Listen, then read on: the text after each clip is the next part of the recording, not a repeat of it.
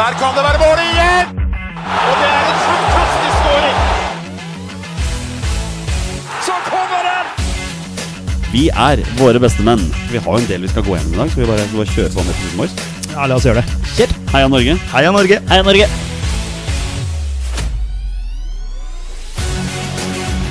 Takk, Ole Gunnar Solskjær!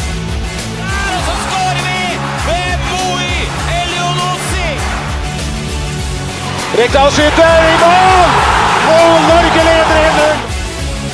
Så kommer den! Det er Tariq Elunussi som har sist på den! Martin Ødegaard! Hjertelig velkommen til alle våre følgere og lyttere der ute til det som er tidenes aller første episode 216 av Våre bestemenns podkast om norsk landslagsfotball. Mitt navn det er Jonny Normann Olsen. Med meg her i studio dag har jeg hverdagshelten fra Bogerud, Petter Hermansen. Heisan, heisan. Og rabagassen fra Raufoss, Torstein Bjørgo. Hei. Boys, vi, vi tar det bare med en gang, for jeg vet det er noen som kommer til å spørre om det. Ja, det har kommet en landslagstropp i dag. Ja, det er bare halvannen uke til kamper. Men eh, vi har andre ting på tapetet i dag, så alt landslagstropp og landslagsprat Det kommer neste uke i en fyldig episode før de fire landskampene sparkes i gang. Det gleder vi oss skikkelig til.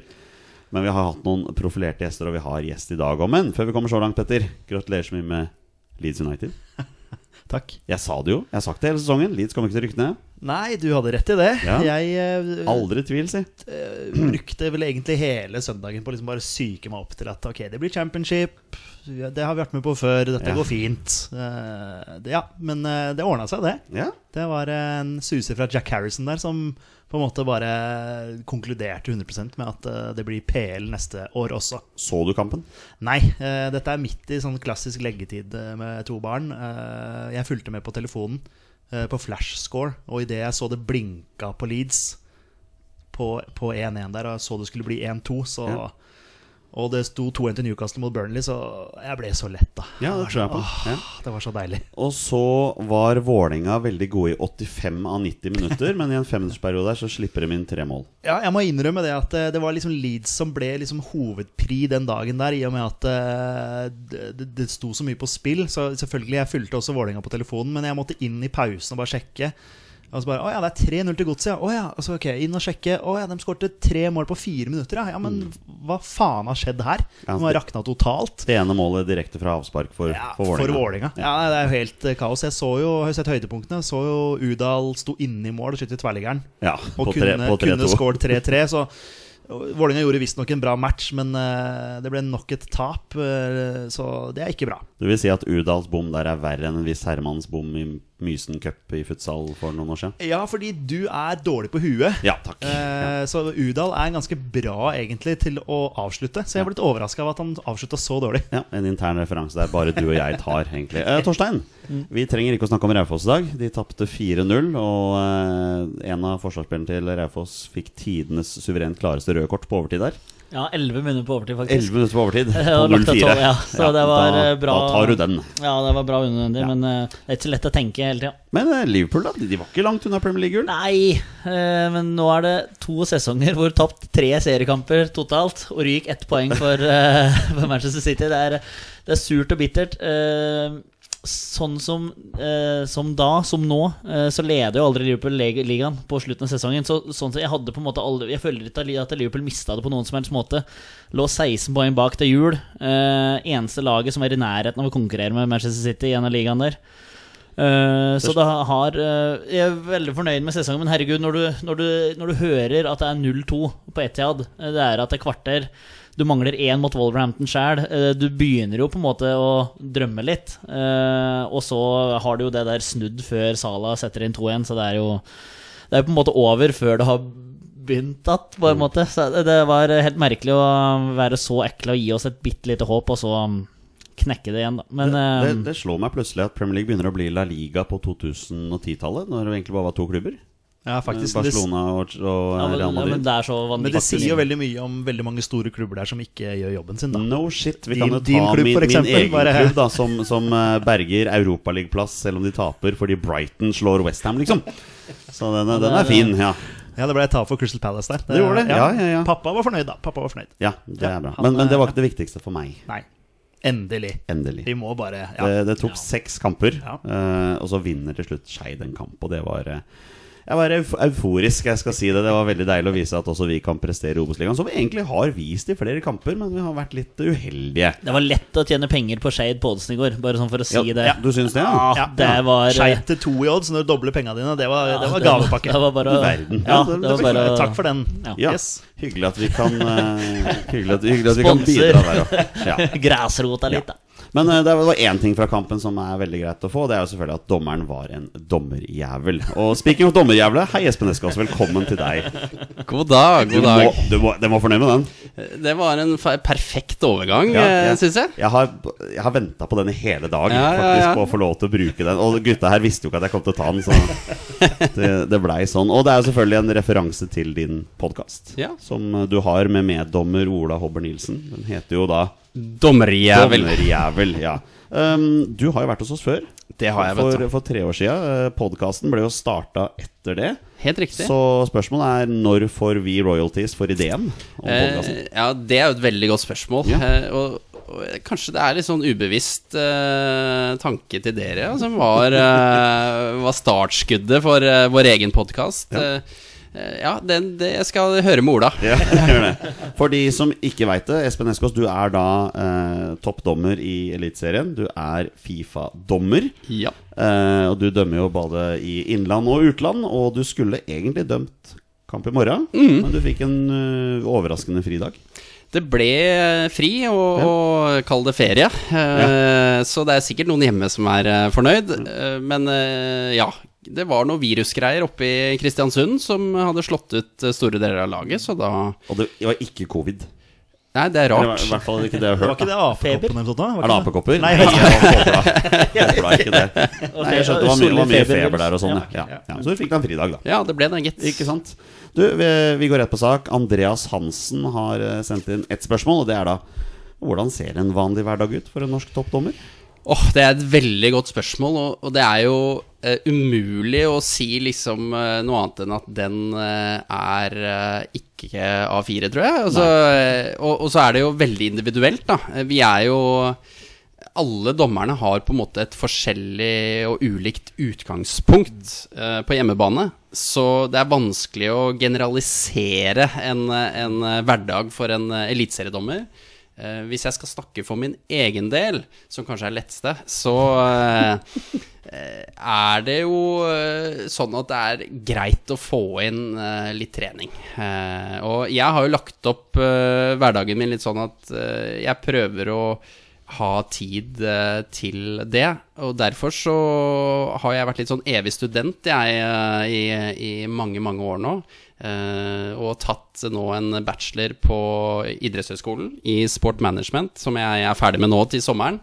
Eh, men det gjør jo også at jeg eh, prøver liksom å legge opp hverdagen slik at det er mulig å, å kunne forberede seg til kampene som gjerne kommer i helgene. Ikke sant? Ja, altså du, så det, er din, det er din Det er min eh, hverdag, Ja. eh, men den er veldig ulik egentlig de alle andres. Ja. Eh, de fleste har jo, eller egentlig alle andre, har jo en jobb ved siden av i eh, alt fra 100 til eh, en viss prosentgrad. eh, og gjerne familie og barn og barnehage og skoler og fritidsaktiviteter. Og så er det klart Forholdene for oss dommere sammenlignet med de aktørene vi dømmer, er jo natt og dag. Ikke sant? Og det er vel ikke slik at dere kommer til å bli helprofesjonelle med det første? Eh, nei, og det, og det er et veldig godt spørsmål. Eh, heldigvis så er det jo litt prosesser eh, som foregår i forhold til dette med profesjonalisering, eh, og, og hvordan vi skal klare å legge best mulig til rette Legge til rette for at vi har en best mulig hverdag, men, men at vi kommer til å liksom nærme oss eh, spillerne i Eliteserien i nevneverdig grad, det tviler jeg jo på med det første, da. Det tviler vel egentlig vi på også. Åssen er det du forbereder deg altså, Åssen er det du trener? Jeg skjønner at Det er ikke liksom bare å jogge seg en tur på en halv mil hver dag, og så er du på en måte klar for å dømme Bodø-Glimt-Rosenborg til helga, liksom. Altså, Analyserer du Ja, Du kan svare på spørsmålet Ja, før ja. jeg Ja, og det er jo også et veldig godt spørsmål, for jeg tror det er sikkert mange som tenker at eh, det er forberedelsene. Mm. da. Altså ta på joggeskoene, og så løper du deg en liten tur, og så, så er alt greit. Men og, og sånn tror jeg det kanskje var litt før. Mm. Hvis vi går eh, 15-20 år tilbake i tid, så var nok det mer eh, hverdagen og treningsøkten til dommerne. Mens, mens nå er det klart, vi, vi har veldig spesifikke treningsøkter. Altså Hvis vi tenker på de fysiske øktene, som, som vi prøver å, å ha som skal liksom etterligne mest mulig det vi driver med på banen. Eh, fotballen går raskere og raskere, og det er jo mye Altså, lagene er jo blitt utrolig gode til å ta hverandre på kontringer. Så det altså raske overganger og det å så tåle alle de liksom høyintensitetsløpene som potensielt kan være i en fotballkamp, da det, det krever litt mer enn eh, å jogge en mil eh, innimellom. Så, så det er klart at det, treningen har utviklet seg veldig. Og du er jo ikke aleine. Du har jo et, et dommerteam med deg. Du har, to, Ja. har, du, har du faste linjedommere med deg i hver kamp? Ja, Altså, er? Assistentdommer. Assist, unnskyld, assistentdommer. Takk for at du rettet Ja, det var der. veldig bra innspill. Ja, si men, men du har eh, faste uh, assistentdommere ja, med deg? i utgangspunktet, ja. Er disse håndplukket av deg, eller er det NFF som setter opp uh, teamene? Ja, nå må jeg passe på så jeg ikke sier noe feil. Men uh, nei, eh, i, altså, det er litt sånn Vi, vi dommerne er jo rangert, eh, og ut ifra en rangering så, så kan du si at vi i samråd med dommersjef eh, plukker ut eh, de assistentene vi tenker vil være kompatible, og, og, og at vi har et godt samarbeid. Da, og så så man eh, starter liksom øverst, og så får øverstemann plukke, og så går man liksom nedover, da. Eh, og så er det jo ikke sånn at det er som i skolegården at eh, han dårligste blir valgt sist, nødvendigvis. Men, men fordi det er jo så mye mer enn bare de dommerfaglige kvalifikasjonene. Altså, det- vi, vi er jo forskjellige alle mann, og, og selv om du er en knakende god assistentdommer, så betyr ikke det at du nødvendigvis passer inn i mitt team sånn sosialt sett, da, og det er kanskje enda viktigere enn eh, fordi alle assistentdommere i Eliteserien er knallgode assistentdommere. Så for meg så er det liksom vel så viktig at eh, det er eh, er noen som eh, passer å være sammen med meg og, og min person, da. Det må være en kjemi der. Ikke sant? Det er, det er noe i det. Ja, ikke sant? Akkurat som kjemien vår da her i Våre beste menn, som er her. Top notch der. Oh, yes. Ja, ikke at jeg har håndplukket dere, eller motsatt. Der, da. Vi, eller ja, vi håndplukket jo han, da. Ja, faktisk. Torstein ble håndplukket til Våre beste menn. Torstein Hedhunta. Ja, ja, ja. Eh, var på prøvespill en episode, og så gikk det, gikk det bra, da. Bra signering. Free, Ingen gule kort der. free transfer. I den. Du, Espen, uh, som vi nevnte, du var jo for tre år siden. Ja. Da hadde du nettopp eh, dømt U17 Var det EM vi fant ut? Ja. I Irland. Helt riktig. Forholdsvis fersk eh, dommer på det internasjonale plan, kan vi si det sånn? Ja, Tilbake i 2019, ja. for så vidt. Tre år senere, hvordan ser karrieren til en eh, Fifa-dommer ut nå? Åh, eh, skulle ønske at den liksom hadde tatt helt av. Eh, det har jo gått oppover. Eh, og så kom det jo en pandemi, da, som eh, satte litt sånn stopper på, på mye. Eh, heldigvis så var det jo eh, Altså Uefa hadde jo på en måte aktivitet og fullførte jo disse ligaene sine. Eh, Men eh, det ble mindre eh, reiseaktivitet og mindre kampaktivitet enn det vi liksom så for oss. Så, så den, liksom, den voldsomme eh, farten jeg håpet på oppover i systemet, den uteble litt. Og så var vi litt eh, tilbake igjen i 2021 i litt mer sånn normaltilstander. eh, eh, som gjorde også at vi skøyt litt fart igjen på karrierestigen og, og tok et nytt nivå eh, internasjonalt. For det er jo sånn vi er jo rangert i grupper der også. Fra elitenivå, første nivå, og nå andre nivå. Tidligere så var det også et tredje nivå, men det er liksom eh, andre og, og tredje kategori er på en måte slått sammen. da. Mm. Så jeg eh, rykket jo opp etter EM-finalen i 2019, så rykket jeg opp fra kategori 3 til 2. eh, Og var veldig fornøyd med det. Og så i fjor så rykket jeg opp fra 2 til 1. Så nå går vi liksom gradene sakte, men sikkert. Ikke sant? Hva, er den siste internasjonale kampen du dømte? Uh, ja eh, Jeg var i, eh, I mars så var det jo landslagspause. Eh, Norge hadde jo noen kamper her, så da var jeg i Spania og dømte Finland-Slovakia. Eh, vennskapskamp eh, de hadde i Spania. Ja. Så det er liksom den internas siste internasjonale kampen. ja, ja. Hvordan var den? Eh, det var dødt. Ja. Rett og slett. Ja, det var jo ikke det største, største kampen, det, altså. Nei. Du, eh, når vi først er inne på det, hvordan, hvordan blir man en Fifa-dommer? Altså, ta oss bare kjapt gjennom. Hvordan er stegen her? Må du, må du ha interesse for det sjøl? Altså, er det NFF som pelger deg ut at du skal bli vår Fifa-dommer? Eh, Må du sende inn brev til Fifa om lov? Altså, Hvordan er det dette fungerer? For det første så eh, må du jo dømme på det øverste nivået eh, i den nasjonen du kommer fra. Eh, og det er vel en viss aldersgrense òg, tror jeg. Eh, og at du må ha ett år i øverste divisjon. Altså sånn, hvis du tenker sånn kriterier i bånn. Eh, Men så er det jo eh, Hver nasjon har x antall Fifa-merker, eller plasser. I Norge så har vi jo syv internasjonale dommere. Mm.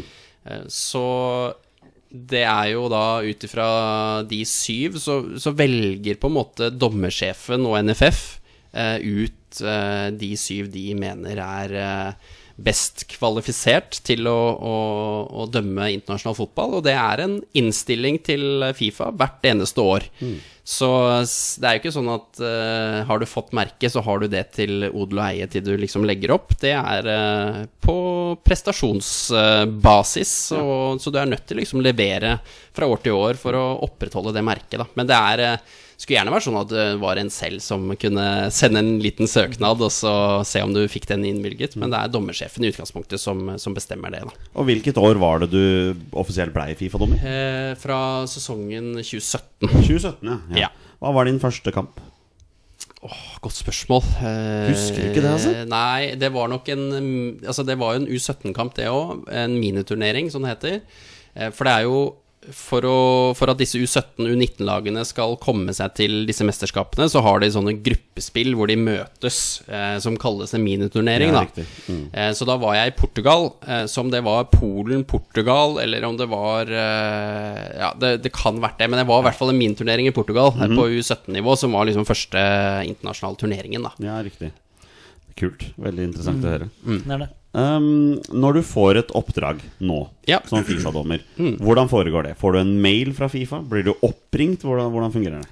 Uh, det er sånn at det er NFF uh, som får uh, oppdraget mitt. Ja. Eh, så Terje Hauge som dommersjef får en mail fra Uefa om at eh, Espen Eskås er oppnevnt til den og den kampen, eh, og dere er nødt til å eh, sette et team for han. Da. Så, da, så det er jeg som dommer som får kampen, og så bestemmer jeg sammen med Terje eh, hvilke assistentdommere og, og fjerdedommer eh, som blir med meg på den kampen. Eh, Men poenget er jo at eh, du får jo ikke vite hvilken kamp du har fått. Du får jo bare vite at du skal dømme i den turneringen. Som eksempel eh, nå når det er eh, for eksempel eh, nå, nå er vel ikke det noe sånn voldsomt farlig å si, men, men jeg skal jo ut og dømme Nations League. Ja. Eh, at, så det, det var Kult. breaking news her nå.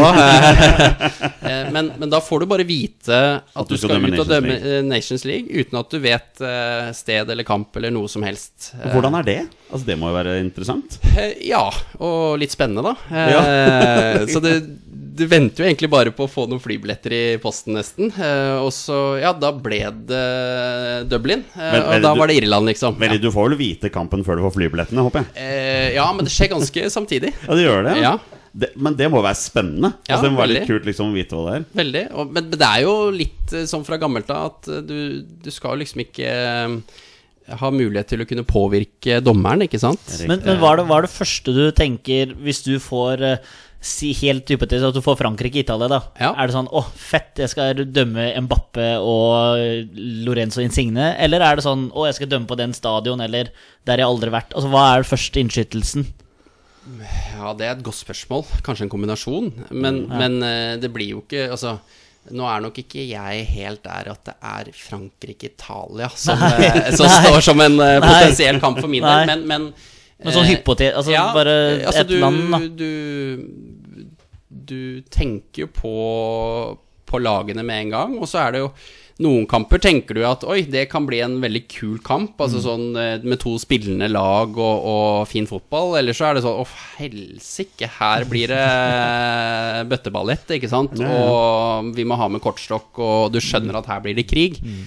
Så eh, eh, du, du gjør deg opp en formening Mm. med en gang du ser de lagene du skal dømme, om det er landslag eller klubblag. Mm. Eh, og så, eh, men uansett, altså enhver internasjonal kamp er jo noe man eh, ser frem til. Så, Ja, ja. så lag og, og sånn har jo ikke ekstremt mye å si. eh, men det er klart, eh, hvis du kjenner til enkeltspillere som er, eh, er litt profilerte, så er jo, det, er jo det spennende, selvfølgelig. Men du kan jo hende i teorien at du en eller annen gang får England mot Moldova eller Liechtenstein, altså en Ja. ikke-profilert motstander, da. Ja. Og da er det jo lett å tenke Wembley. Dritfett. Ja, altså ja, At ja. du får den, på en måte, da.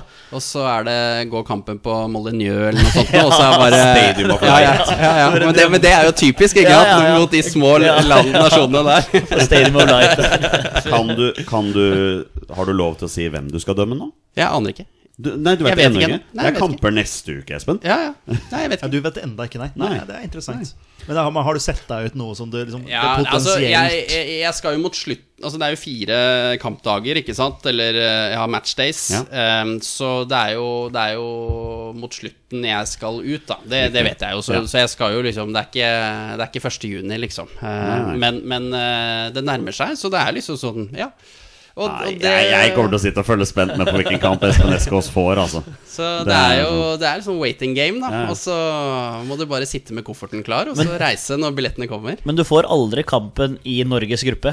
Altså Nei. når Serbia møter Slovenia på en måte Nei, Nei, sant? Nei. Så det er ingenting som Du får vel ikke påvirke. Sverige eller Danmark eller noe sånt heller, kanskje? Med mindre de møtes, da. Ja, øh, nå er jo Sverige i Norges gruppe, men, Det er men øh, øh, det, det er faktisk et veldig godt spørsmål. Jeg hadde jo i fjor i VM-kvaliken, så i siste kampdag så dømte jeg jo faktisk øh, Gibraltar-Latvia i Oi. Norges gruppe. Oi.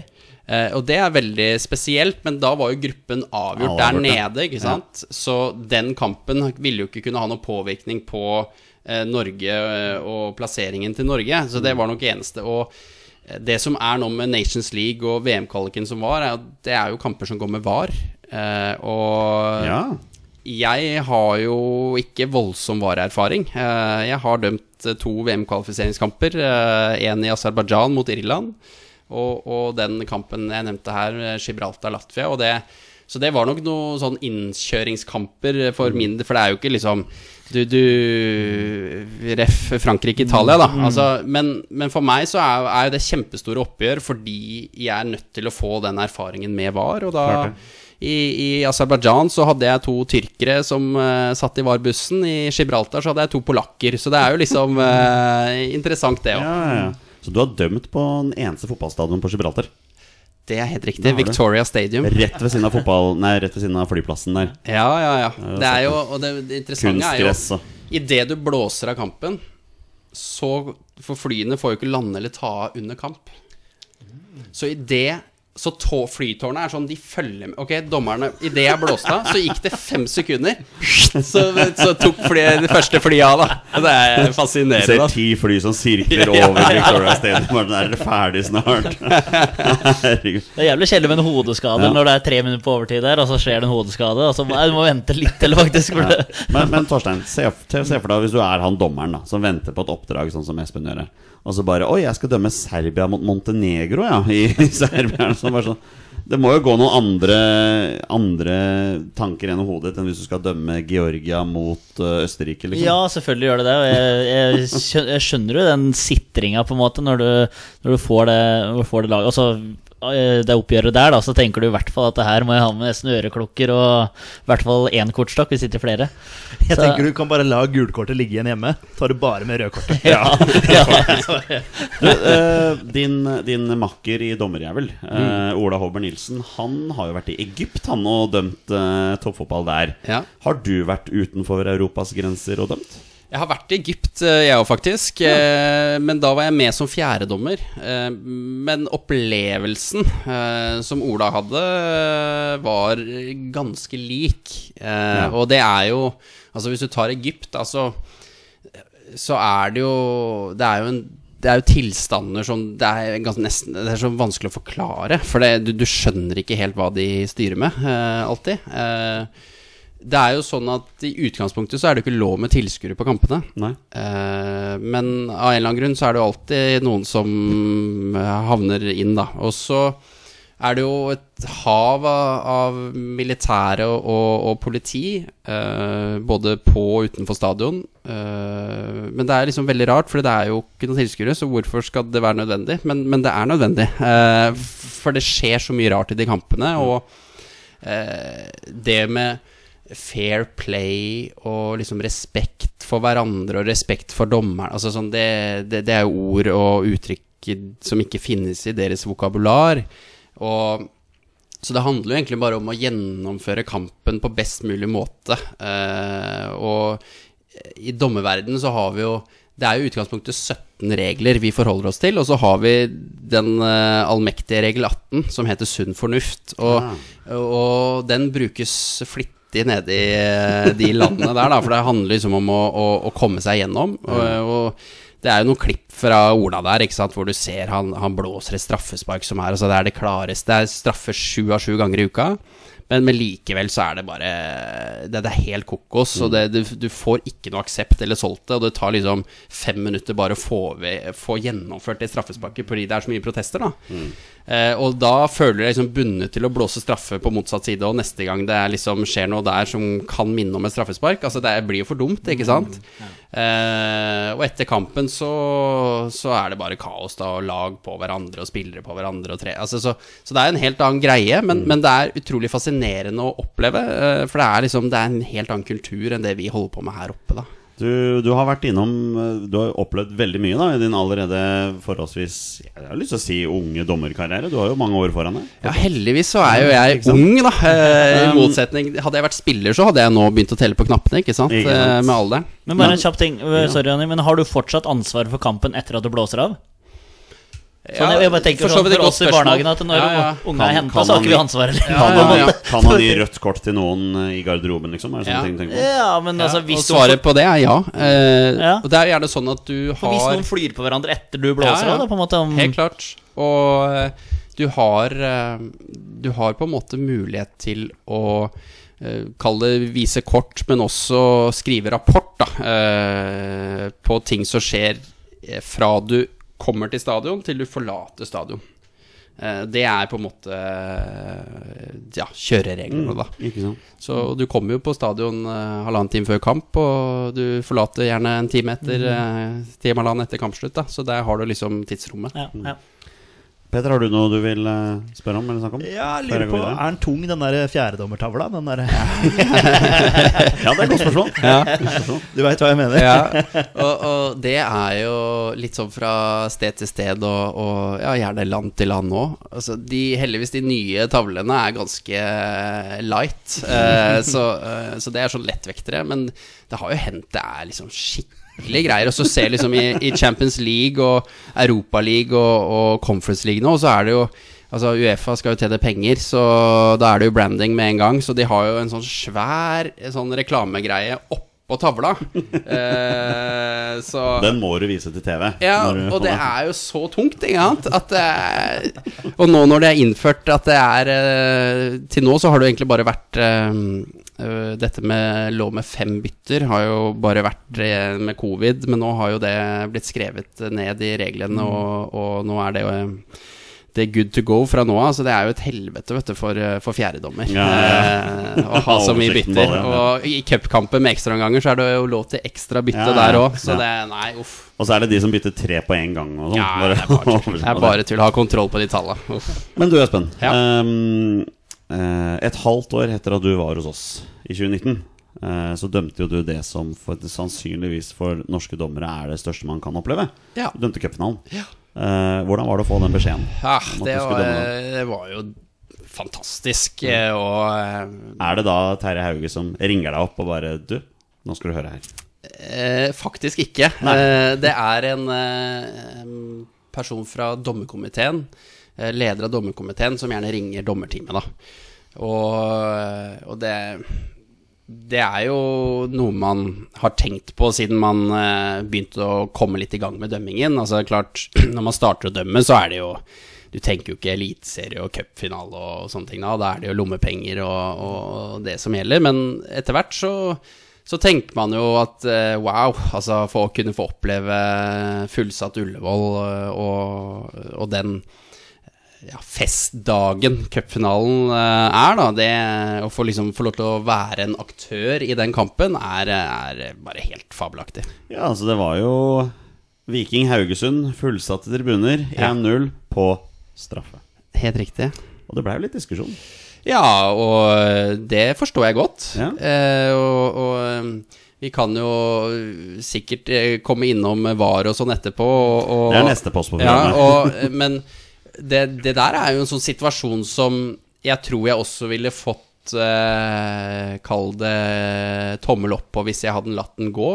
Eh, en sånn situasjon som er litt sånn in the opinion of the referee. Altså sånn ok, noen blåser, noen blåser ikke. Det var liksom mm, Det var det jeg eh, kjente på og mente der og da, ut fra den posisjonen jeg hadde, at dette er et straffespark. Så Eh, men eh, tilbake til at du, du vet jo gjerne når du går av kampen om at denne kan sikkert folk uh, diskutere litt og, og kjenne på det, men, men jeg liksom sto trygt i det og, og var jo liksom fornøyd med total, totalprestasjonen i kampen.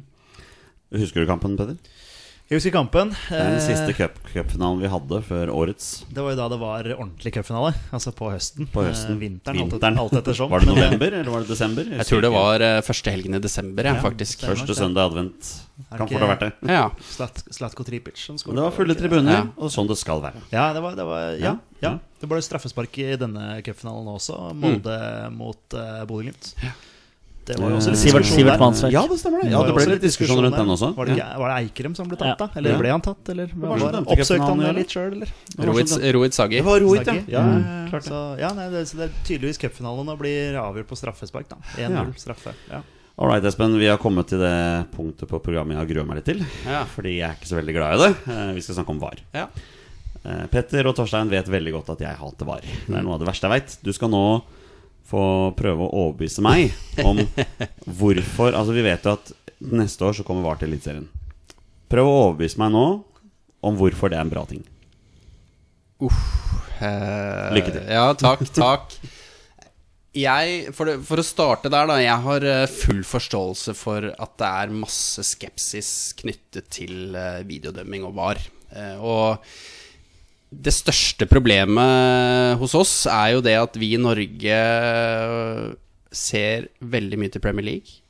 Og jeg er jo helt enig når vi ser um, hvordan VAR har fungert i, i Premier League fra starten av, at det på en måte har ødelagt mye av inntrykket til, til VAR.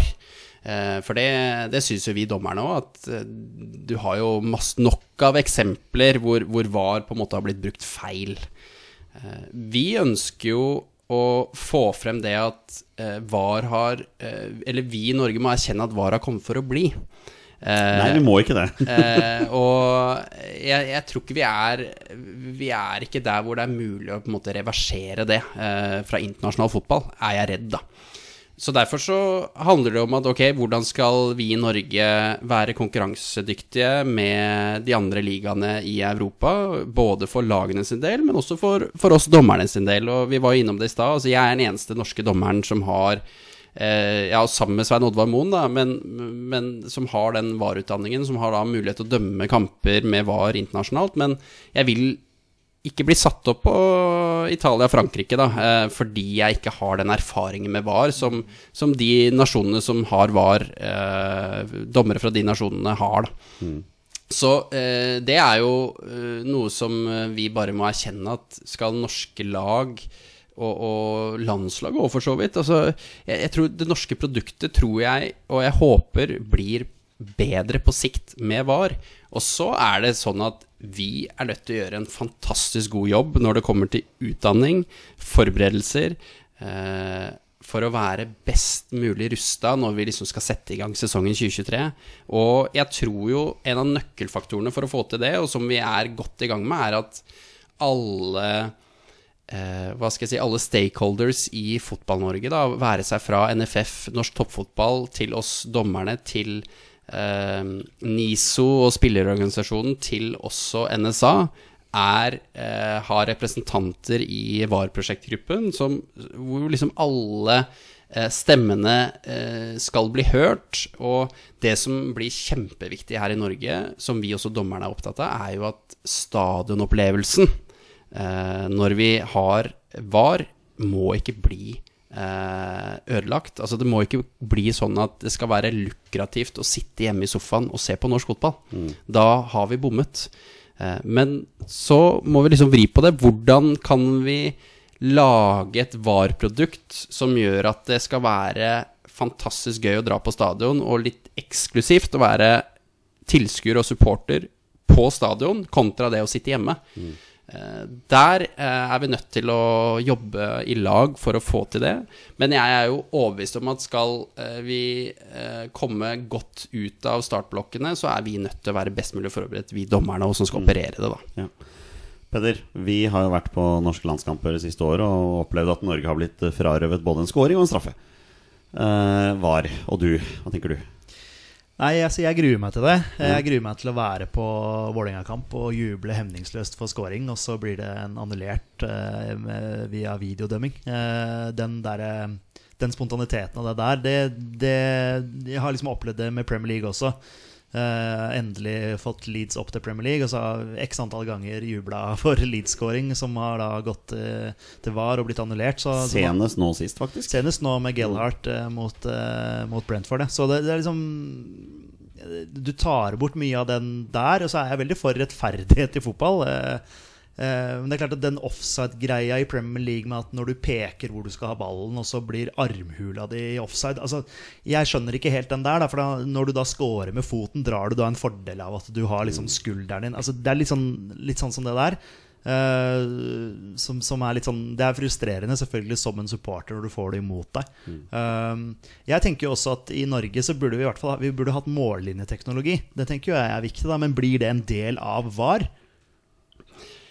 Jeg tror det er en egen greie. Ja, uh, I utgangspunktet nei. Altså, Goal Line Technology er i utgangspunktet et eget produkt. Uh, og det som er viktig å, å få sagt, er jo at det er jo også ekstremt mye dyrere enn VAR. Altså, for det er en installasjon som er nødt til å gjøres på hver stadion. Uh, og så er jo ikke vi såpass heldige i Norge at vi har 16 arenaer i Eliteserien som på en måte er eh, av topp norsk standard, og har infrastruktur som, eh, som kan faktisk operere eh, med eh, For det er liksom Hawkeye som, som styrer med det, og det bare for å bruke 20 sekunder på å fortelle altså det er jo, De bruker jo masse kameraer som tar liksom eh, bilder i eh, ultrasekundet. Eh, og de kameraene skal liksom festes på spesifikke steder på arenaen. Eh, og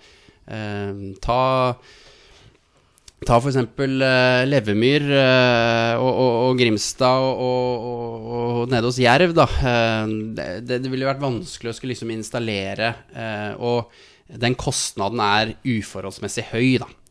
For det hvor da, for da, da kan vi spørre oss hvor mange ganger i løpet av en sesong er det vi får spørsmålet ball inne-ute?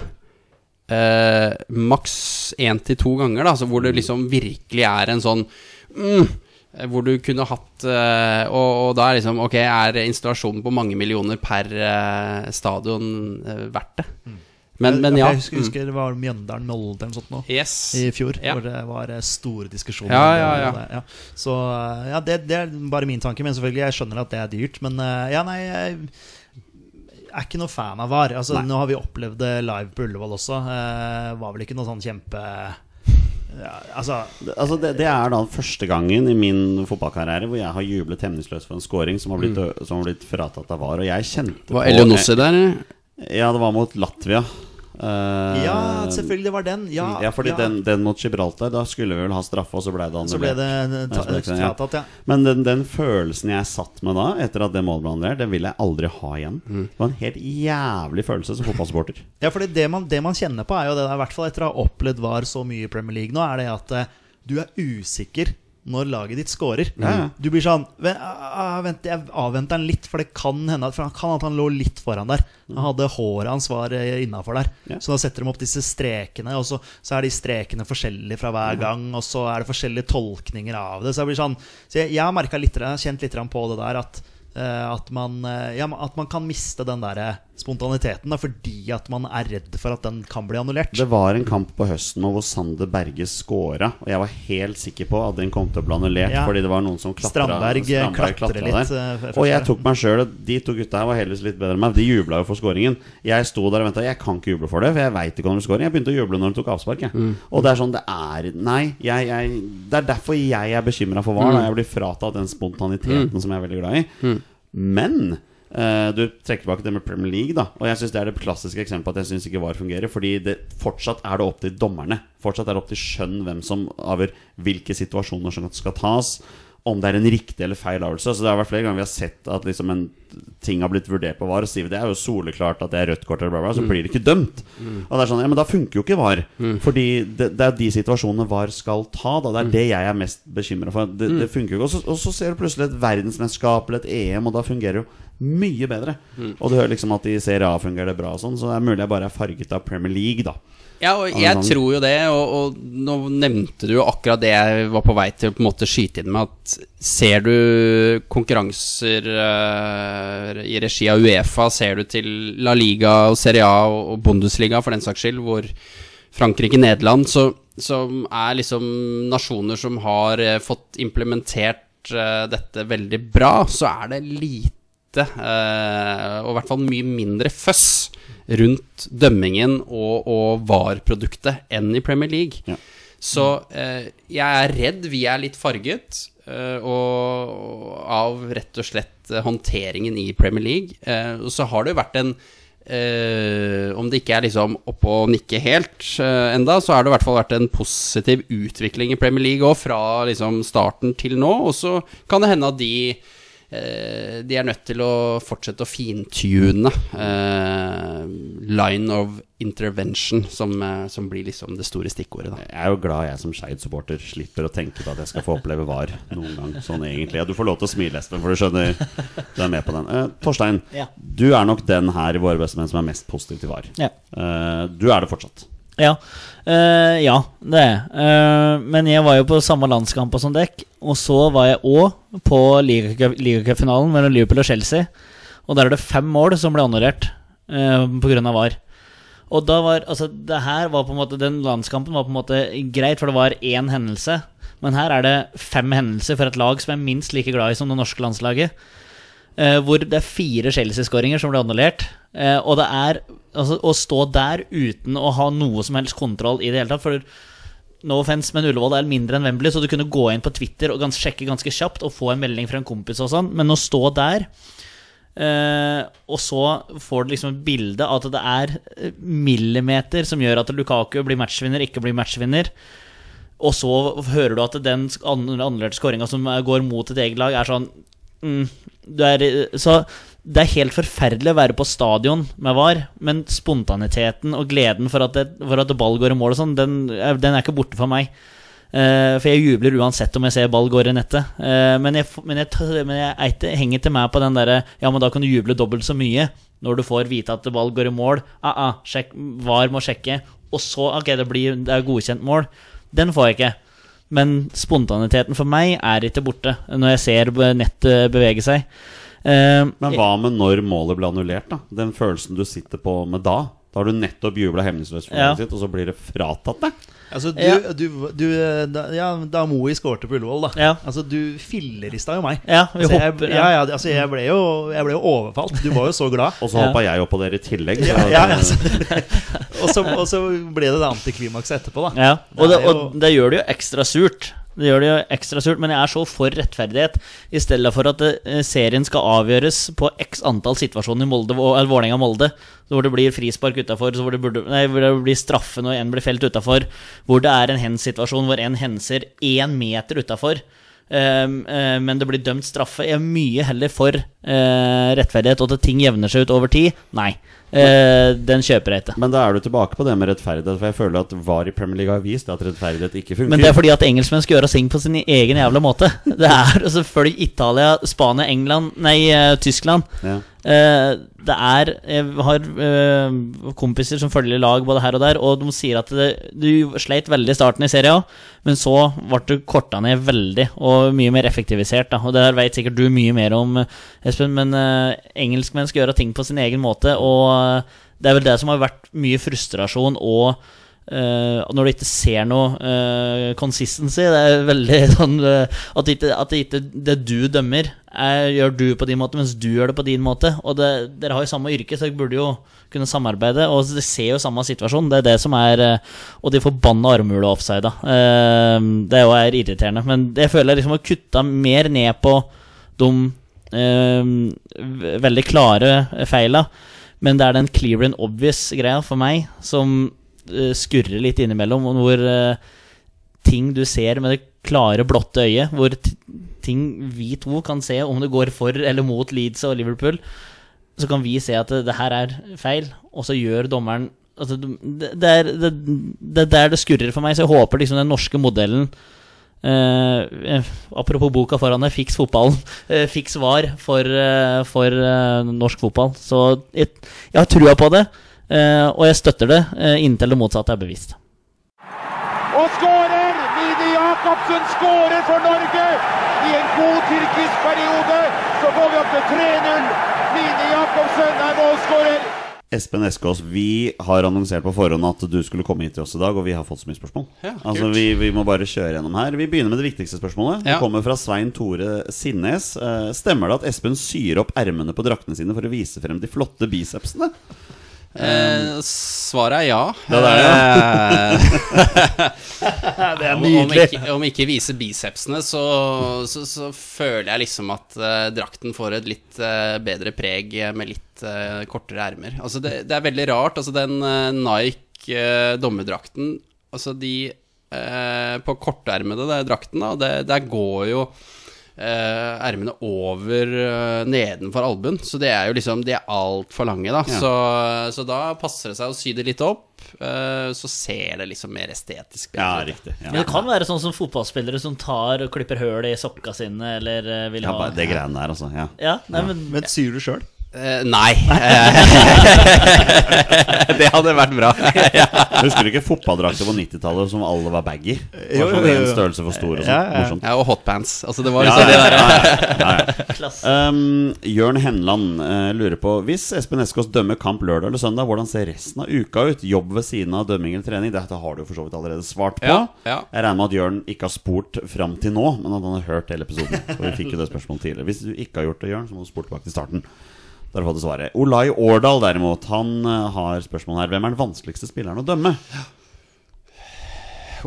Ehm, det er jo dumt av meg å skulle liksom drive og name-droppe altfor mange er spillere her. eh, Men Men Nei, altså det, det er jo sånn at uh, i Eliteserien så føler jeg at det er få spillere som er vanskelig å håndtere. Eh, Er det fordi Christian Gauseth har lagt opp? Eh, ja, men Christian nå er liksom Han har jo en, en framtoning eh, hvor, eh, som på en måte eh, alle ser og tenker at oi, det må være helt krise å holde på med han. Men, men det er litt sånn spill for galleriet, spør du meg. Eh, og så er det mye som skjer ute på banen som ikke det er så lett for alle å, å legge merke til og oppfatte av kommunikasjon og den type ting. Christian er jo en spiller som det egentlig er ok å kommunisere med, og så er han like smart som meg, at han vet jo når kameraet er på han, og jeg vet når kameraet er på meg, så vi vet jo på en måte når vi må enten holde kjeft eller smile, eller eh, Så, så jeg tror han er veldig opptatt av at ok, nå er han i fokus, nå må han finne på et eller annet eh, kødd for at uh, han skal få lov til å være den han er. Og så er han egentlig ikke så ekstrem som kanskje folk tror, da. Var vel, det eh, var vel en gang Eskås ble intervjua i pausen Nei, Eskås, ja. Gause ble intervjua i pausen der og var så rasende at han holdt på å rive ned ting og sånn. Helt Han slo riktig. i Det var vel- reklame. Ja, det, ja, det Ja, var vel denne Hensen eh, Ja, var det kanskje det? mot, Ja, det kan eh, mot Molde, tror jeg, eh, faktisk. Eh, hvor liksom han mente at alle så jo den unntatt han ene gjøken eh, utpå der, da. Eh, Skandalekamp, Eskås. Ja, det var jo krise. åpenbart. Det var var jo krise. et eller annet med hver jævla gang mot små klubber. Ja, Ja, ja, ja, ja, ja, ja. Ja. Men vil du heller dømme en stor og sterk spiss eller en liten og rask en kantspiller eller spiss? Hva er liksom Ja, det har egentlig ikke så mye å si, men, men uh, dette med Altså, det som gjør en spillertype vanskelig for meg, er jo eh, egentlig det at de er Altså, hvis de har snakketøyet i orden samtidig som de er liksom vanskelig å, å håndtere ute på banen fordi de kanskje faller lett, og, og hva er frispark, ikke fri... Altså, de utnytter en liten kontakt, altså sånn hele tiden du, du må hele tiden være på vakt, da, hvis det går an å si det sånn. Altså, du, du kan ikke liksom se bort et sekund, for det, du aner ikke hva vedkommende finner på å gjøre. Eh, det er jo en vanskelig spiller. Eh, og en sånn spiller som på en måte var sånn eh, og har alltid vært sånn, spør du meg, eh, ut fra det jeg, lille jeg har sett, er jo når jeg dømte eh, Altså nå går jeg internasjonalt, da. Jeg, jeg var jo Hadde På høsten i 2019 så dømte jeg eh, Celtic mot Renn Oh. eh, på fullsatt Celtic Park. Og, og da var det sånn eh, Kapteinen på Celtic Scott Scott Brown? eh, Det var figur. Ja. Eh, og, og han var en kjeltring. Oh, Han var, han var en god kjeltring, for å si det sånn. Han eh, og, og det visste jeg jo for Det kan jeg se for meg, Ja, og jeg visste det for så vidt før kampen at, eh, at han også på en måte lå på nippet til å Med ett gult kort så måtte han stå over neste kamp. da Og neste kamp var jo da siste gruppespillskamp borte i, i Romania mot Cluj. Ja. Og de med seier eh, mot renn så ville Celtic vinne gruppa, ja. uansett hvordan resultatet var der nede. Så når det var 3-0 til Celtic Eh, og alt lå an til en ganske komfortabel seier der. Så, så, så prøvde Scott Brown seg med én situasjon. Eh, tilsnakk. Han fikk ikke det kortet han ville ha. Så han tok liksom Det tok 30 sekunder. Han dundrer inn i en ny situasjon. Sant? Får det kortet, og så går det tre minutter, så bytter han deg ut. Altså, det er Du skjønte det, liksom? ja, det, det er liksom det, Du skulle vel nesten tro at det var sånn. Ja. At det var helt bevisst. Men, men eh, det kan godt hende at eh, han bare Altså, jeg tror han har sanka nok kort i løpet av karrieren. Vilkårlig om det er eh, bevisst eller ikke, altså. Ja, det er han mot Alfredo Morelos og El Hadji Ja, ja, ja, Diouf der. Altså, det er Men, men, sånn, Men jeg har jo dømt Alfredo Morelos òg, da. Jeg dømte jo på Ibrox eh, noen måneder før. Og han er jo en sånn kjeltring som Ja. du eh, I anførselstegn, da. Litt sånn du må følge med på i feltet, ikke sant. For han finner på fort mye rart. Han fikk jo fem røde kort en sesong her, Ja, ja, ja. Gerard hadde den. Husker det var en gang hvor Gerard Piquet skulle ta et innkast og brukte sånn to minutter og bare venta på å få det gule kortet. Så han skulle stå over en eh, kamp Ja, og det, men det, Real Madrid og, sånn fikk, og Barcelona har jo fått straff for det i etterkant. Når Mourinho og Ja, ja, Guardiola drev på som verst fordi at det var eh, Ja, for, for det, er jo, det er jo sånn at hvis vi dommere opplever at det der er bevisst, så er jo det eh, på en måte noe vi i utgangspunktet skal rapportere inn, da. Eh, men så er det vanskelig å si ok, en hensynsløs takling eh, er noe, en hensynsløs takling. Eh, Det er noe annet hvis de på en måte bevisst eh, Det var jo en Jeg så en situasjon her hvor liksom en spiller da som skulle byttes av, så hadde han jo glemt å få det gulkortet sitt, da, som han tydeligvis eh, hadde tenkt at han skulle få. Så han liksom drar av seg drakta idet han liksom går av, og tenker at det å dra av seg drakta er jo gult kort. Så, så du ser på klippet at han liksom snur seg til dommeren. Liksom, men, men altså, jeg, jeg dro av meg drakta, men det er jo bare ved feiring eh, å dra av seg drakta. Så han fikk ikke det gullkortet sitt, da. klasse. Dritsøtt. Eh, Geir Rødningsby lurer på hvorfor er det slik at trenere og spillere må svare for seg i TV-soner etter kamp, mens dommere mer eller mindre er freda. Savner mer åpenhet rundt dommere. Hadde det vært en berikelse om dommere kunne svare om de hadde en god kamp eller svak kamp? Jeg mener jo at norske dommere egentlig er ganske gode til å svare for seg, og jeg ser også at Vegard Vågbø har kommentert dette, for du var jo i fotballrådet her forleden. Norske dommere er egentlig ganske flinke til å stille opp i media. Ja, og det er jo Jeg, jeg kan jo ikke si noe annet enn uh, si meg enig i det. Uh, og så er jo det litt sånn unikt i, i Norge og Norden at faktisk dommere eh, uttaler seg eh, etter kamp. Altså Du ser jo ikke en Premier League-dommer, eller du ser jo ikke en dommer som har dømt Champions League eller Europa League eller VM, EM. Altså, så det er jo ingen kommentarer fra dommer og dommerteamet der. Så, eh, men samtidig så, så står jo vi helt fritt til selv å bestemme om vi ønsker å uttale oss eller ei. Eh, og det er jo ikke noe, sånn, det er ikke noe krav om at vi er nødt til å gå ut i mix-zone og, og, og snakke med gud og hvermann. Men jeg er jo av den oppfatning at jeg tror det kan være lurt eh, i de tilfeller hvor det er diskusjoner og spørsmål rundt eh, situasjoner som er vanskelig å, å bedømme. Jeg er enig med det. Eivind Engeseth lurer på om det er noen lag eller spillere han gleder seg til å dømme på forhånd.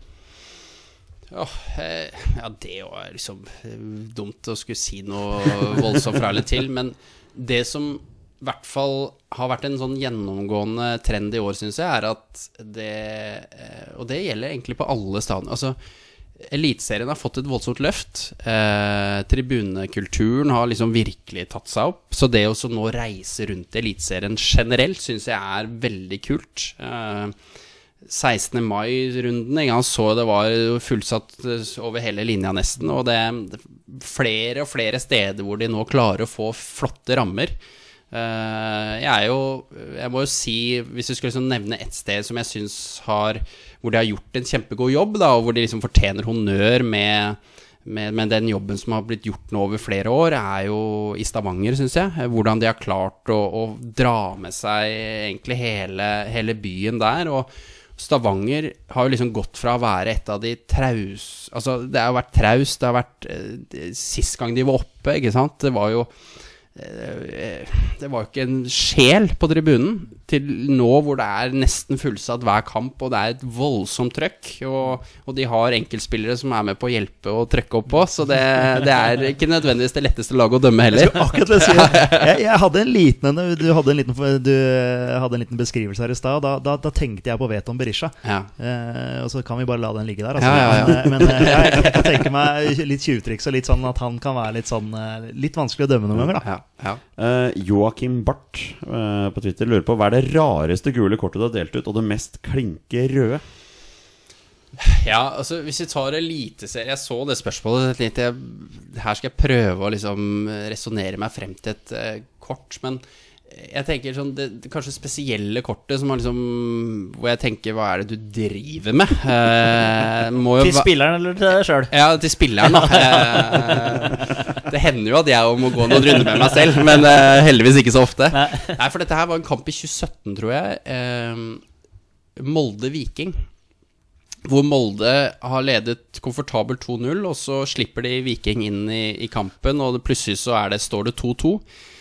Eh, og Solskjær har uh, mot slutten byttet inn uh, Amang, var det det han het? Sånn liten Ja, eh, Thomas Amang? ja, Thomas Amang.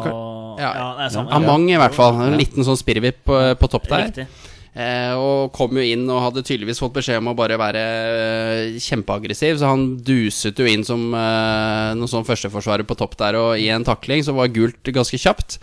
Eh, og så på overtid eh, så er det noe kluss i forsvaret til Viking som gjør at han snapper opp ballen og scorer. Ja. 3-2. Og det var liksom utgangspunktet det siste Altså jeg la til fire minutter, og dette var på 3.40 eller noe Eh, og han feirer jo som han har vunnet cupfinalen. Han drar av seg den trøya. Da. Så da er det jo Gratulerer med seier, men eh, du får et gult kort og et rødt kort, Ja. og så eh, vær så god, da. Eh, så det må jo kanskje være det rareste. Men, men jeg, sånn jeg, jeg, hvorfor er det sånn fortsatt i 2022 at spillere tar av seg drakta når de scorer mål? Altså, Ja, jeg, men, ja, men du sa noe om regel 18 er sunn ja. fornuft. Ja. Altså, Ja. kan du da eller, eller får du problemer i ettertid da hvis du tenker at Vet du hva, det er spontan feiring, han blir kjempeglad, kampen er ferdig uansett. Jeg bare later som jeg ikke ser det. Ja. Eller får du trøbbel Jeg, ettertid da? jeg personlig hadde jo ikke hatt noe imot om å droppe det kortet. men det er Eh, åpenbart at du må gi det, da. Hvis ja, du ikke gjør det, så er du han dommeren som ikke gjør det. Ja, og det er det som er problemet, at vi er litt bundet av et regelverk som vi skal forvalte, og så da må man jo heller liksom diskutere om eh, vi skal forandre reglene, da. Altså hvor, hvor farlig er det eventuelt at noen drar av seg drakta? Er det, liksom, er det noen som blir uh, sjenert av det, liksom? Eh, eventuelt. Eh, men eh, så lenge reglene er sånn, så er du jo bare nødt til å håndheve det, da. Jeg dro av meg drakta en gang, Torstein. Syver, syverkamp for Skeid. Vi, vi, det var sånn, vi vant sikkert fem tårn. sånn. Jeg dro av meg drakta. Min fetter som spilte den kampen, han løp bort til dommeren og ville at jeg skulle få gull. Ja, ja, Jeg fikk det ikke. Men på den tida var det litt kraftige bøter på det skjulet. det. Ja, skulle jeg likt å sett, faktisk. Feira som Balotelli gjorde jeg også. Det er ikke min, ikke min beste opplevelse. Du var jo der, Torstein. Men jeg husker en sånn når vi er inne på det Martin Pusic skårte en 2-1 for Vålerenga mot Haugesund. Hadde gult kort fra før. Dro, dro på en måte trøya over, og så sto det 'I love Jesus'. Så det var så masse diskusjon rundt det, om han på en måte hadde tatt av seg trøya og burde fått Ja, Så jeg lurer på om det var en dommer der som tenkte at ja, det er greit. Det var, det var en spiller i MLS en gang som dro av seg drakta, men han hadde en drakt under drakta. Han fikk fortsatt gult kort. Ja. Og hadde gult fra før. Så han fikk rødt kort. Og så har du vel det i Arsenal med Aubameyang som dro opp den derre Spiderman-maska Ja, ja, ja, eller noe sånt. ja, Så det er jo noen forskjellige varianter. Ja, for det er ikke greit, det heller. Nei, det er spørsmål, kanskje, men Ja, altså. det, det er sidestilles vel med i, Altså innenfor den Kall det paragrafen, da. Altså i forhold til målfeiring. Ja, Hadde du en klink rød? Altså klink Ja, kort? mm, det er vanskelig å si. eh, Klareste røde, Ja, liksom. Jeg har ikke gitt ut så mange røde, egentlig. Og, det, og de fleste røde jeg har gitt ut, er jo sånn som det der second yellow. Da, at du liksom Så jeg har liksom heldigvis vært skånet for de verste taklingene, sånn sett. Eh, Hadde en takling nå i høst. Jeg dømte en sånn Youth League-match. Eh, som er eh, liksom Junior Champions League. eh, Wolfsburg mot Salzburg. Og da, der var det en ganske saftig takling i, i andre omgang hvor det som ble direkte rødt. av Det kanskje sånn, den jeg husker sånn best nå. Da. At det liksom treffer den liksom i, i nesten knehøyde og, og helt hodemist. Eh, men, men eh, heldigvis liksom vært skånet for de verste situasjonene. Men med tanke på skader på banen på spillere Mm. Altså, eh, Åssen er det du er hvis du på en måte Nå vet jeg ikke om du opplevde det, da men et beinbrudd på banen, Ja, liksom? ja. Altså, Hvordan takler du det? Eller hodeskade med åpent kutt? Altså, ja, ja. Det... Og, det, og det hadde jeg jo. Apropos, vi var jo innom eh, Carvalho her, eh, og, og eh, det var jo en treningskamp Jeg vet kan ikke om det kan være 2017, for den saks skyld, 18, eh, på Marbella. Dømte Vålerenga Tromsø. Tollås og Carvalho som eh, klinker hodet sammen, og ganske tidlig i kampen. Eh, og der var det jo Der var det liksom, i hvert fall på Carvalho, så var det jo det kuttet over eh, ved øyenbrynet, og du så liksom rett inn til kraniet. Og, og, og da, men da blir det liksom sånn at du ser jo spillere som ser det og liksom unker seg og, og går bort og blir uvel og sånne ting, men jeg går nok kanskje inn i litt sånn sånn derre eh, eh, Kall det et modus hvor du har ansvar utpå her. Så du, du på en måte blokker ut at uh, dette er kanskje krise og ille og ekkelt og den type ting, men mer ok, hvordan skal vi bare få kontroll på situasjonen? Eh, ja. Siste før jeg Unnskyld, Jonny, før jeg går hjem igjen, skal jeg si. Men, eh, men den eh, Hvis du ser en takling, tenker ah, gult kort, rødt kort, gult kort, og så løper bort og ser, og så ser du skaden, gjør det noe med tankegangen din? At han brakk faktisk beinet på han, eller han Ja. kutta faktisk leggen på han, eller Det altså- kan du gjøre, og, og det er jo lov å bruke, kall det hode, da. Altså sånn eh, Ta hodedueller, altså albu. eh, Du er usikker på treffpunkt. eh, Du, du lukter at her kan det ha vært en albu. Eh, Så hvis du liksom ikke er for rask med kortene, så kan du liksom gå bort og se Oi, fader, han har jo faktisk fått et kutt, og, og her må det jo ha vært et treffpunkt. Eh, og det har ikke vært hode mot hode, Ref-situasjonen situasjon på Ullevål, men, men eh, det må ha vært en albue som har forårsaket det kuttet, selv om du kanskje ikke 100% har sett det. Så kan liksom Da kan jo det være en indikasjon, da, på at eh, her har det vært, eh, vært en albue. Eh, men det er jo mer på gjerne gult og ikke gult. Eh, rødt er jo eh, det er klart, Jeg har heldigvis unngått beinbrudd, Ja, så, så det er på en måte Jeg vet ikke, men, eh, men mest sannsynlig ja. Men Mm. så ser du jo Du kan jo se den situasjonen som var i, i eh, Europaliga-finalen, hvor du har han Rådet som blir Altså han flerrer opp hele Yes, panna, ikke ja, ja. Og eh, der òg så uten at, uten at jeg liksom skal jeg, jeg har ikke noen mulighet til å skulle ta og arrestere dommeren på noe, men, men det er en sånn typisk situasjon hvor er du usikker på om det har vært kontakt med hodet der, da. For det er jo ofte du ser en spiller som går ned, en fot som kommer inn, og så er det ikke noe kontakt, men, men spilleren holder seg jo til hodet for det. Altså sånn som om eh, det har vært den kontakten. Så jeg skjønner jo dommeren her. Du er usikker på det. Og her var det jo ikke store kontakten heller, men det var nok til at den eh, var ganske åpenbart. er nok Eh, til at den ene knotten Jeg jeg tror ikke det var mer enn det engang. For det var liksom bare den ene knotten, og når du da har eh, eh, litt spisse knotter der, og så Når du da liksom ser at her er det Da, eh, da, da kan det hende at det hadde kanskje fortjent et gult kort, i hvert fall. Eh, uten at jeg skal konkludere med hva som er rett og galt. Nei, jeg mente han snuste på det røde der, ja da. Men, Ja. eh, Ja, vi, men vi er det. diskuterte det. Ja, litt, ja, vi gjorde det. ja, interessant. Vi har et siste spørsmål. Eh, Det er fra Sondre Helleve. Eh, Har du noe favorittstadion å dømme på? Ja, altså Har du lov å si det? Nei, jeg tror ikke jeg skal uttale meg så mye om det. eh, Men, men igjen så blir det bare det at nå har det, det, det har vært veldig kult hvordan det har tatt seg opp nå i Eliteserien. Eh, og så eh, er det jo sånn at du har jo stadioner Jeg har enda ikke vært eh, og fått dømt uh, f.eks. Jerv. så det blir liksom kult Jeg har hatt det i, i Obos-ligaen, men blir kult å komme dit eh, når det er et eliteserielag òg, hvis jeg gjør det. Mm. så sånne ting er alltid kult å liksom komme ja, Hvis du får lov til å liksom vært innom de fleste stadionene i løpet av eh, sesongen, da, i hvert fall.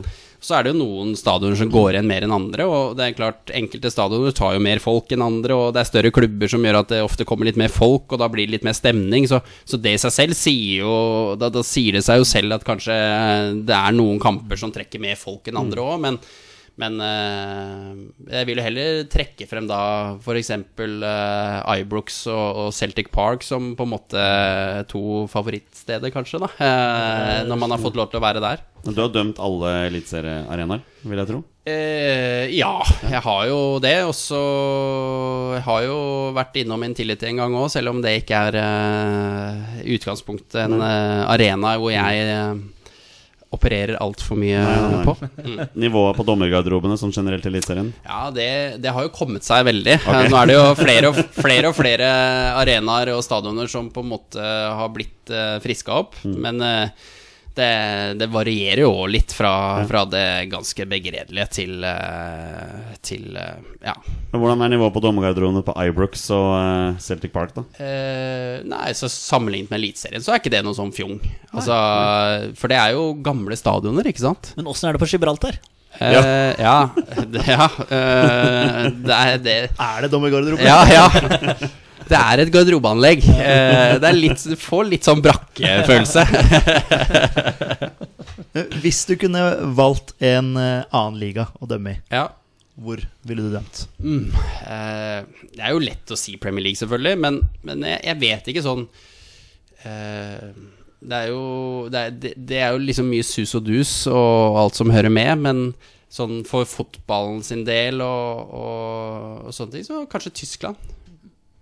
Eh, for der har, der har de en tilsynelatende eh, Sammenlignet med Ta Italia, Spania altså, I Tyskland så er det liksom Det er mye mer fair, da. Eh, og, og de trøkker til og sånne ting, men så har de på en måte Det det er en gemyttlig tone utpå der som er Det er gjennomført fair. Og så er det jo noen supporterklubber som er helt fantastiske, da. Eh, så jeg tror liksom eh, ja, ta nå liksom Frankfurt sedest ikke sant. Eh, minus banestorming og sånne ting. Men, men, men det må være fantastisk å komme til et par av de arenaene bortpå der òg.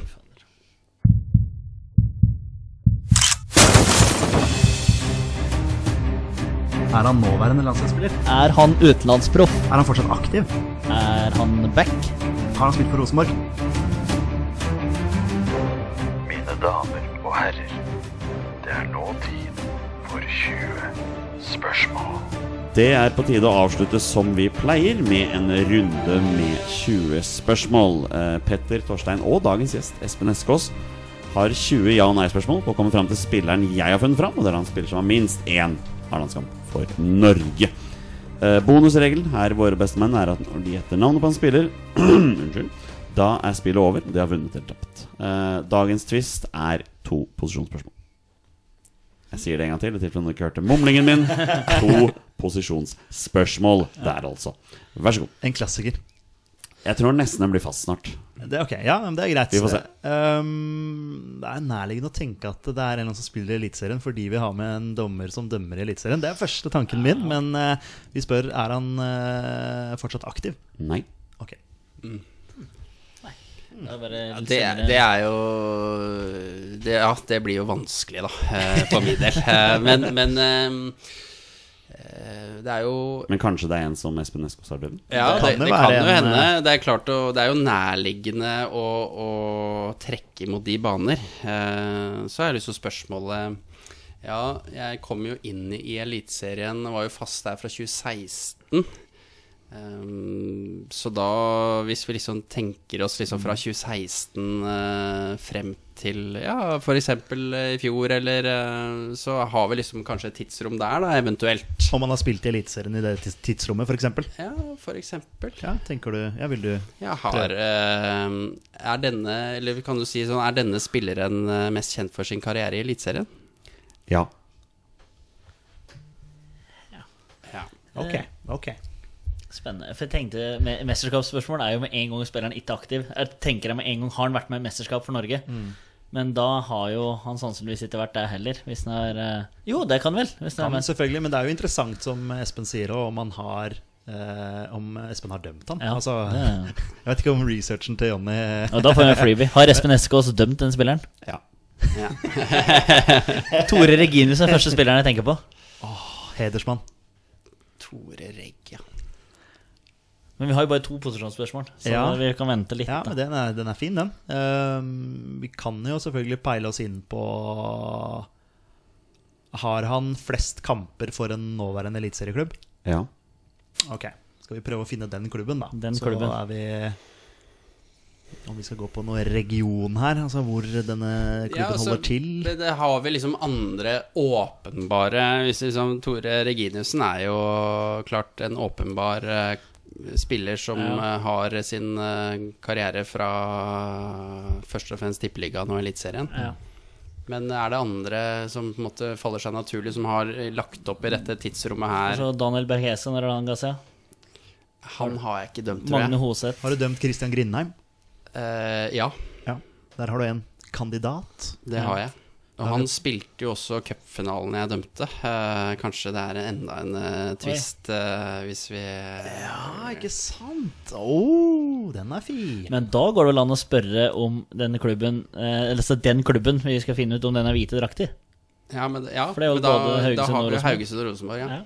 Ja, men nå er vi på flest kamper, da. Hvor er han flest kamper, da? Er det, Garantert Haugesund, det. Er det Haugesund? Nei, oh. Vålerenga. det må jo være Vålerenga, det. Vålerenga. det, Ja, for svarte. Ja, sant det. Holder den klubben han har spilt flest kamper for, til på Østlandet? Ja. Jeg må gjøre noe med halsen min. Ja. Ja. Så da er- utelukker vi jo Tore. Ja. Ja. Og da er vi på ja, Vålinga, eh, Sandefjord, Sarpsborg. Flere har vi. Stabæk har rykka ned. Mm.